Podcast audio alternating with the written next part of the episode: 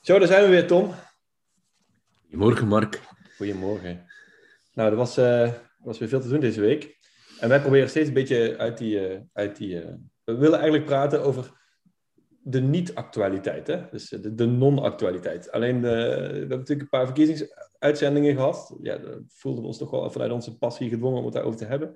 Het lijkt wel of die verkiezing nog steeds gaande is of zo. Dus we wijden dan toch maar weer een podcastje aan wat er in Den Haag gebeurt, maar dan proberen we een beetje uit te zoomen, toch? Ja, zeker, zeker.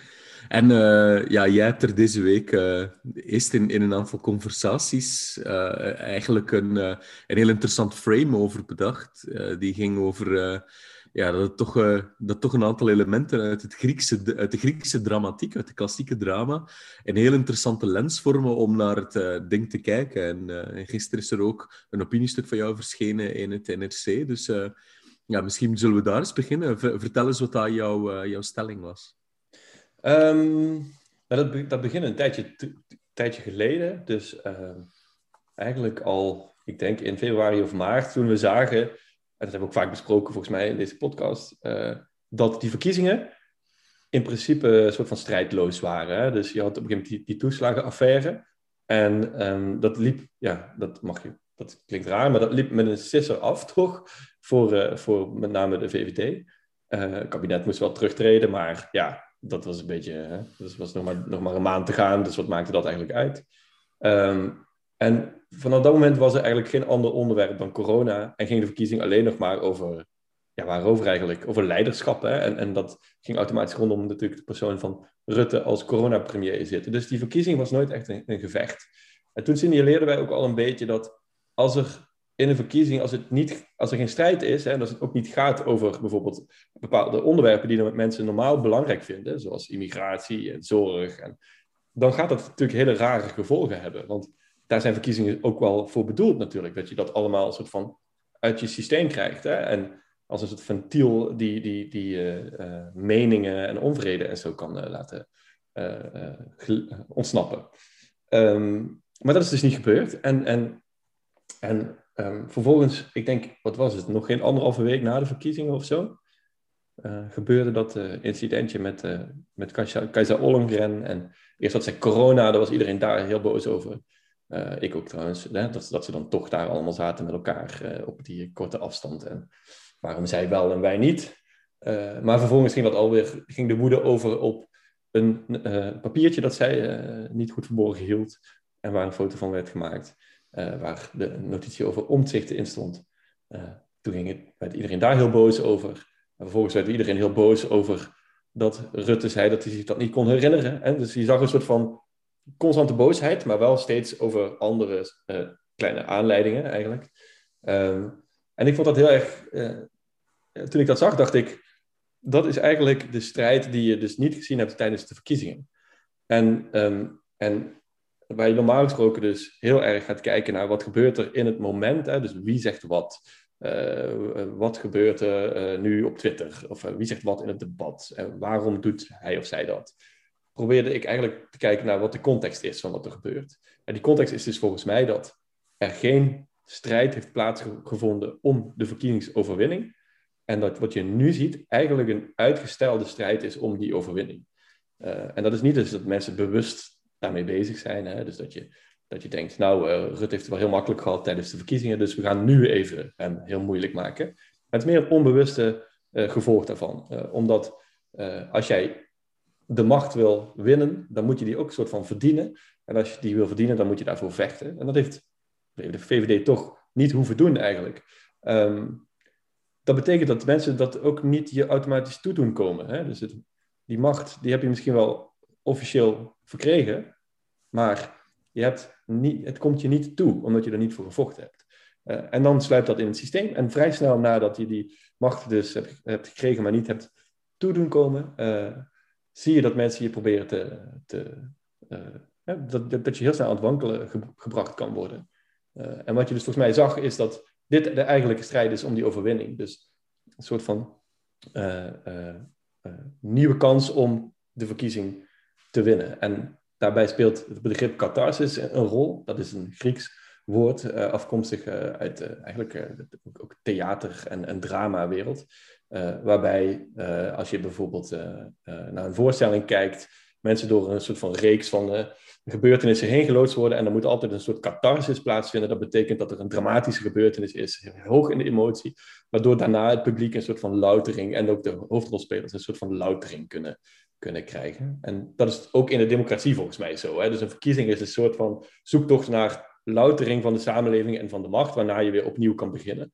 Dus uh, als je, als je uh, een, een, macht hebt die afgezet wordt, dan is dat een soort van loutering van wat er plaatsgevonden heeft in het verleden. Maar ook als een macht bevestigd wordt, dan is dat ook een soort van loutering en kan die oude macht eigenlijk opnieuw beginnen. En dat heeft niet plaatsgevonden tijdens deze verkiezing.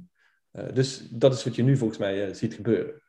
En dat is een andere manier dan ernaar te kijken, denk ik, dan, dan ja, hè, letterlijk wat gebeurt er van moment tot moment.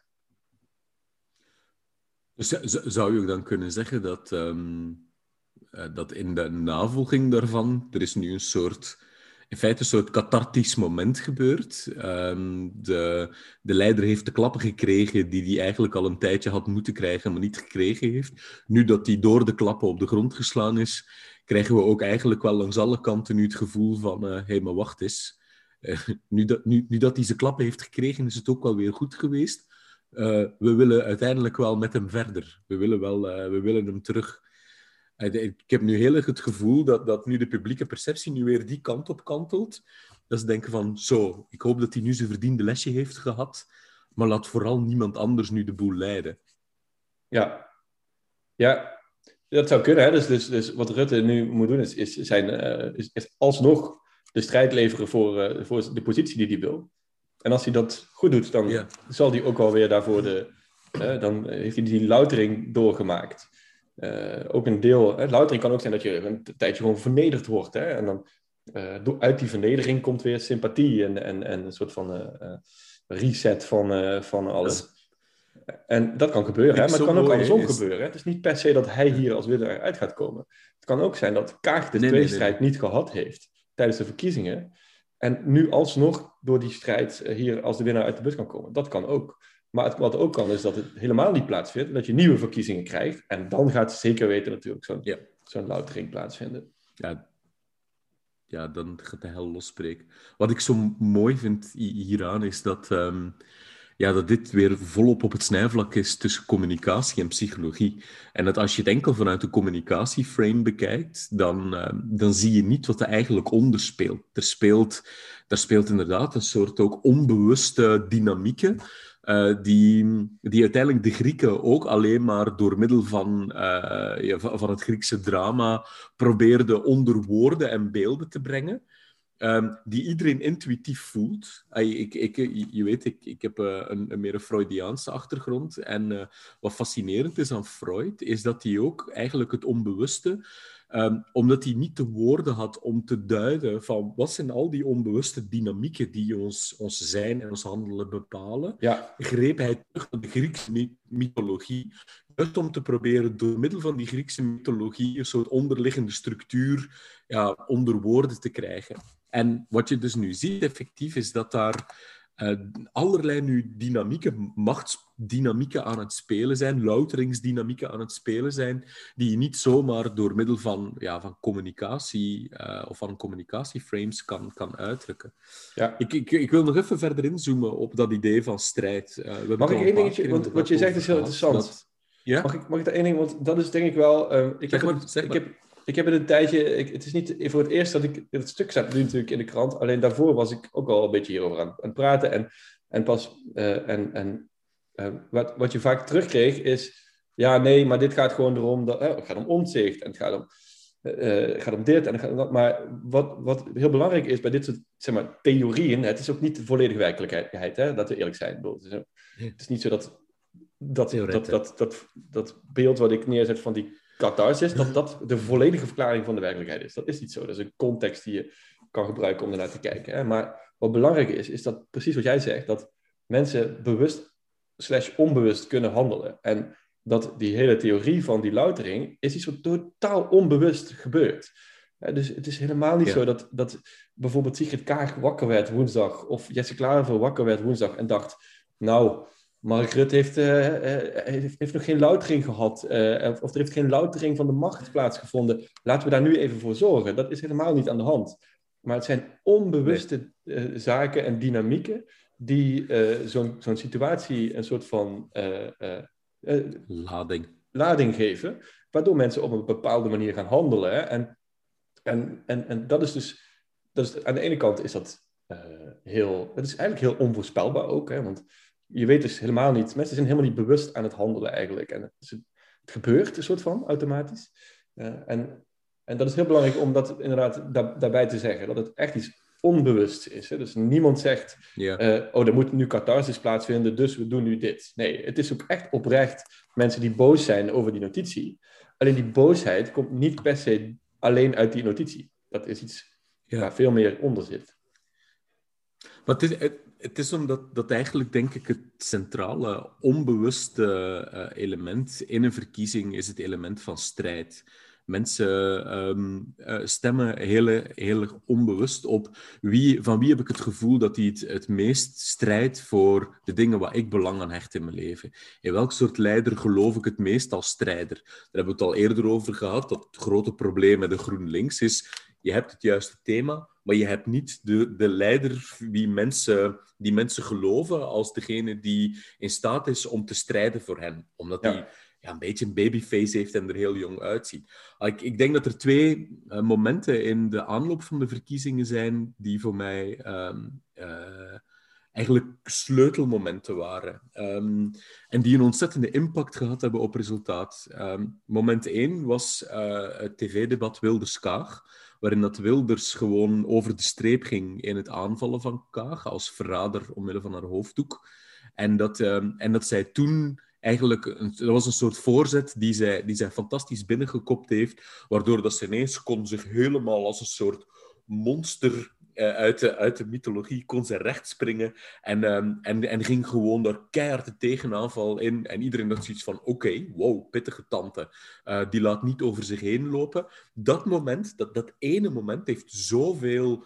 Uh, momentum voor haar gecreëerd, omdat iedereen ineens een leider zag in een felle strijd waar dat die leider naar boven kwam. En ik, ik heb al een paar keer gezegd van, ik denk dat zij juist op dat moment is zij tot Sigrid Kaag gemaakt. Meer nog dan elke campagne-interventie ja. voorhand.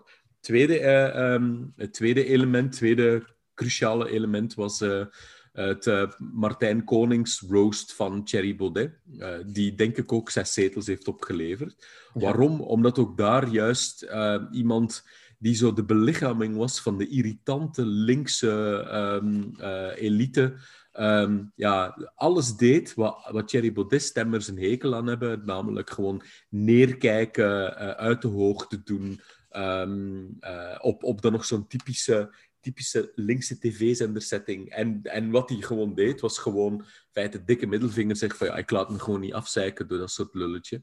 En dat was natuurlijk briljant, want dat, dat toonde meteen dat hij, um, dat hij ook stond voor alles wat die mensen ook voor stonden. Van wij laten ons niet uitlachen.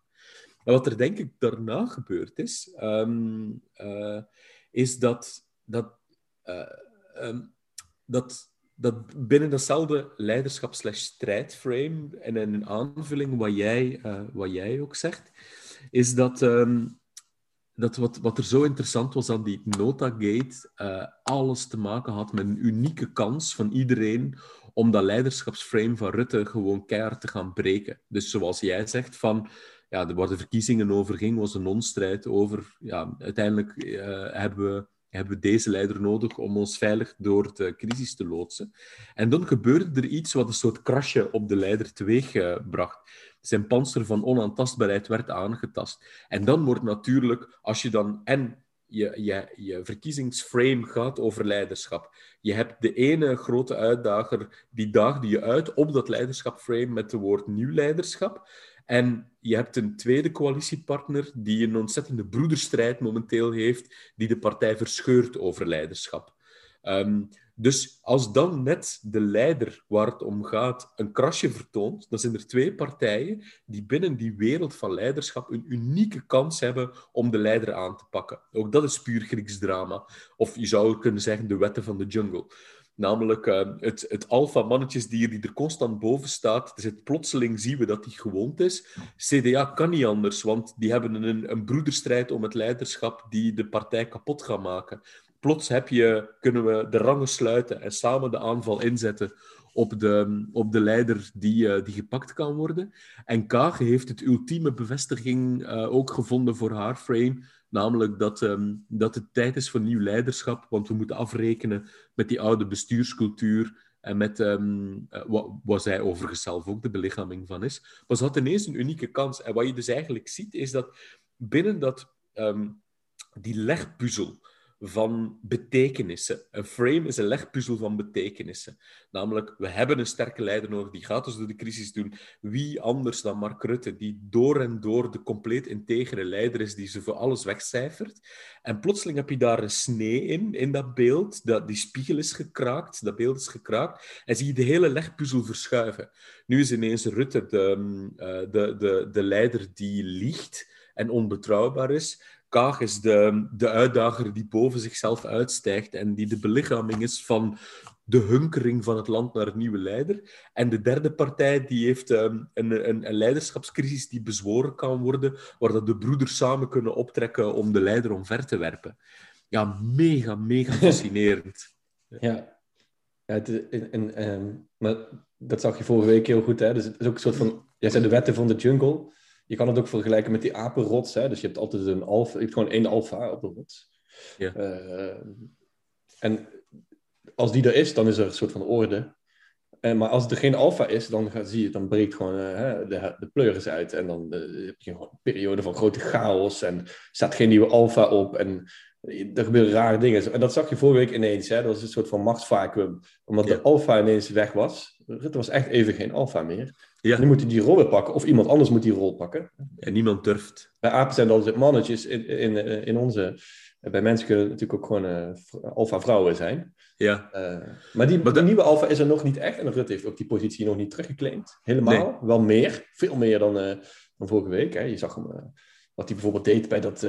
die, die, wanneer was dat? Gisterochtend, toen, toen die, die fractievoorzitters bij de, de Kamervoorzitter ja. moesten komen... En hoe die daar zat en, en praatte en iedereen gewoon gelukkig Pasen. En, ja, dat was weer die alfa terug. Ja, dat was gewoon weer die alfa terug. En, en, dat is natuurlijk heel interessant om te zien hoe dat zich ontwikkelt. Het kan geen orde zijn zonder alfa, volgens mij. Nee, en, en dat is het e-, eenmaal. Ze hebben, ze hebben geroken aan de macht. Ze hebben dit een unieke kans om uh, te doorbreken. Maar eenmaal dat je dan ineens met het machtsvak geconfronteerd wordt, dan deinen ze eigenlijk een beetje in angst achteruit. Eenmaal dat ze beginnen door te hebben wat de implicaties ervan zijn als ze de macht pakken. En dan, dan blijkt ja. macht toch wel een veel gevaarlijker toxisch ding te zijn, waarvan zodra dat iemand hem gaat pakken, weten ze dat ze ineens ja, en verantwoordelijk zijn en gewoon er niet te regeren valt als zij de macht pakken. Um, en, en ze die macht dus eigenlijk niet onder controle kunnen krijgen. En dus iedereen deinst terug en ja. denkt van... Weet je, ja. misschien pak jij hem toch maar, want... Uh, maar dat zag je letterlijk tijdens dat debat vorige week, hè? Ja. Want ik weet niet of wij het over... Maar op een gegeven moment hadden we het ook over dat... Uh, hoe langer Rutte daar zou staan, hoe groter de kans dat hij eruit komt. Hè? Dus omdat mensen op een gegeven moment gaat iedereen twijfelen. Ja. En dan gaan ze, veel, gaan ze een soort van verzuipen in de materie en zo. En, en je zag daar dus dat in dat eerste uur had hij het moeilijk. En toen, maar er stond geen nieuwe alfa op die hem, hè, laten we zeggen, aanhalingstekens open, de nek doorbijt, aanhalingstekens ja. sluiten. Ja. En dat gebeurde niet. En dan ontstaat er ook vertwijfeling, een soort van, het zijn allemaal hele, hele mooie groepsdynamieken die je daar ziet terugkomen. Ja. Uh, wat ik trouwens, want um, we hebben het vaak gehad over die verkiezing, hè, dat er een verkiezing zonder strijd was eigenlijk. En uh, uh, het is ik zou wel hetzelfde gedaan hebben hè, als, uh, als ik zeg maar, de campagne van de VVD uh, eh, geleid zou moeten hebben. Ik zou precies dezelfde strategie gekozen hebben. Natuurlijk. Mm, Echt precies dezelfde. Uh, dus het is ook geen, het is geen verwijt, denk ik, maar eerder gewoon hè, een gevolg van de manier waarop je, die, waarop je het gedaan hebt. Maar dat was wel, het was wel de manier om te winnen. Hè? Want stel je voor, er was iemand met iemand had een soort van twee, drie weken voor die verkiezing gezegd: Oh jeetje, is er wel heel weinig strijd. Uh, laten we Mark maar even uh, blootstellen aan wat, uh, aan, wat, aan wat aanvallen en gevechten. ja, dat, dat, dat, kan je natuurlijk niet doen als campagnestratege. Je wil gewoon winnen. en wat ik nu ook interessant vind, nou, dan gaan we toch een beetje vanuit onze eigen rollen van campagnestrategen en gedragswetenschappen. Ehm, als je nou denkt vanuit die loutering en vanuit lange termijn macht of zo, hè, of lange termijn meedoen om de macht. En wat is dan het beste wat ze kunnen doen hè, bij de VVD? En, of het beste scenario? En ik denk dus dat als je, als je bij de VVD zat twee weken geleden, dat je waarschijnlijk wel dacht, nou, dit is de laatste verkiezing die we gaan winnen. Over vier jaar, dat gaat niet meer lukken. Dan is het gewoon op. Dan, gaan, gaan, we gewoon waarschijnlijk uh, flink, flink gepakt worden. Maar nu is ineens een situatie ontstaan waardoor je een soort van loutering kan doorlopen, met name Rutte zelf. Als hij bijvoorbeeld een tijdje in de oppositie zou gaan zitten. Uh, dus stel je voor, iedereen is nog steeds boos. Er gaan zeven kleine partijen een kabinet vormen, super instabiel. En Rutte zegt, nou ga ik lekker in de oppositie zitten. Word ik oppositieleider. Uh, dan ga je gewoon een periode van, ik weet niet, hoe lang zal zo'n kabinet blijven zitten? Niet heel lang waarschijnlijk. Eén à twee jaar totale loutering. En er staat gewoon een nieuwe herboren leider van de VVD, namelijk Mark Rutte. Ja, ja, ja. ja, ja. Die, weer, die weer lijsttrekker is. Waar en komt die vandaan? weer de verkiezing kan winnen. Dat zou toch een prachtig scenario zijn, of niet? Dat, dat maakt die man wel helemaal af als hij dat zou doen. Ja, ja en, en Anderzijds denk ik dat het ook wel tegelijkertijd is om ook, um, om ook heel bewust bezig te zijn, ook vanuit dat Griekse mythologische frame, van um, kroonprinsen te, te creëren, opvolgers klaar te stomen. Ook heel duidelijk dat je van die rituelen krijgt waarin dat de leider eigenlijk zijn, zijn, zijn opvolging klaarstoomt om de macht over het koninkrijk over te nemen. Ik denk dat, dat je dat ook heel erg moet gaan ritualiseren, zodat mensen dat ook onbewust gaan voelen en ervaren. Want nu zitten we in een situatie dat er een, een, een enorm, uh, naar mijn gevoel, getalenteerde laag klaar staat van heel jonge, ja. gretige, integere, superslimme mensen. Um, maar die, die eigenlijk nog, nou, nog een beetje, laten we zeggen, uh, in de schaduw van de zonnekoning nog niet de kans krijgen om, om te tonen dat zij eigenlijk de volgende leiders gaan worden. Dus ik zou daar... Ik denk dat ze wel een soort gesprek met elkaar moeten hebben van... Hey, is dit je laatste tour of duty of niet? Want ik, als geloof, het... ik geloof het niet. Ik denk dat die, gewoon, die man gaat, dat, hij gaat toch nooit iets anders doen. Hij hoeft voor mij ook niet. Hij is, nee, hij ja. is briljant. Maar los daarvan, zeg maar. Maar het is een risico, hè? Het is een enorm risico. Zeker, zeker. Je partij wordt dan op een gegeven moment... Uh, ja, gewoon rondom één persoon georganiseerd. Hoeft niet slecht te zijn. Uh, nee, ik, ik denk niet dat hij ken, ook ken, ken, Volgens mij vindt hij dit gewoon super maar ik moet ook wel, omdat denken, omdat Qatar is, moest ik ook wel denken aan die kroonprins. En, en, het wordt natuurlijk nooit de kroonprins. Hè? En een van die redenen, dacht ik, is dus ook dat een kroonprins bijna per definitie nooit een loutering uh, krijgt. Of het catharsis doorloopt, omdat kroonprins niet hoeft te vechten voor uh, de positie. Hè? Dus ik dacht bijvoorbeeld aan Gordon Brown. dat was een soort van, ja, als Tony Blair stopt, ja, dan wordt het Gordon Brown. En die werd ook van, uh, van chancellor, werd hij toen premier. En toen moest hij een verkiezing in. Maar hij heeft die rol van leider tijdens die verkiezingen, heeft Gordon Brown nooit hoeven bevechten. Dus hij stond daar al als een soort van gemankeerde, niet gelouterde persoonlijkheid. Uh, en dat is ook wel een beetje het lot van kroonprinsen slash prinsessen. Ik denk dat het bij de VVD wel eens een kroonprinses kan worden. Zeker. Niet helemaal Zeker. een uh, automa automatische aanspraak op leiderschap. Als je een soort van gemanoeuvreerd wordt in die positie als kroonprins of kroonprinses. Nou ja, tot nu toe zijn elke um, poging om dat te doorbreken zijn, zijn rampzalig geweest. Hè. Uh, de broederstrijd Ascher tegen uh, Samson, de broederstrijd Omzicht tegen uh, Hoekstra of Hoekstra tegen De Jong. Maar dat was al... tenminste strijd. Hè? Ja. Ascher Samson was wel strijd. Dus Ascher kwam daar wel uit als de leider. Zeg maar. Ja, maar het vernietigde de partij. Vernietigde wel de partij.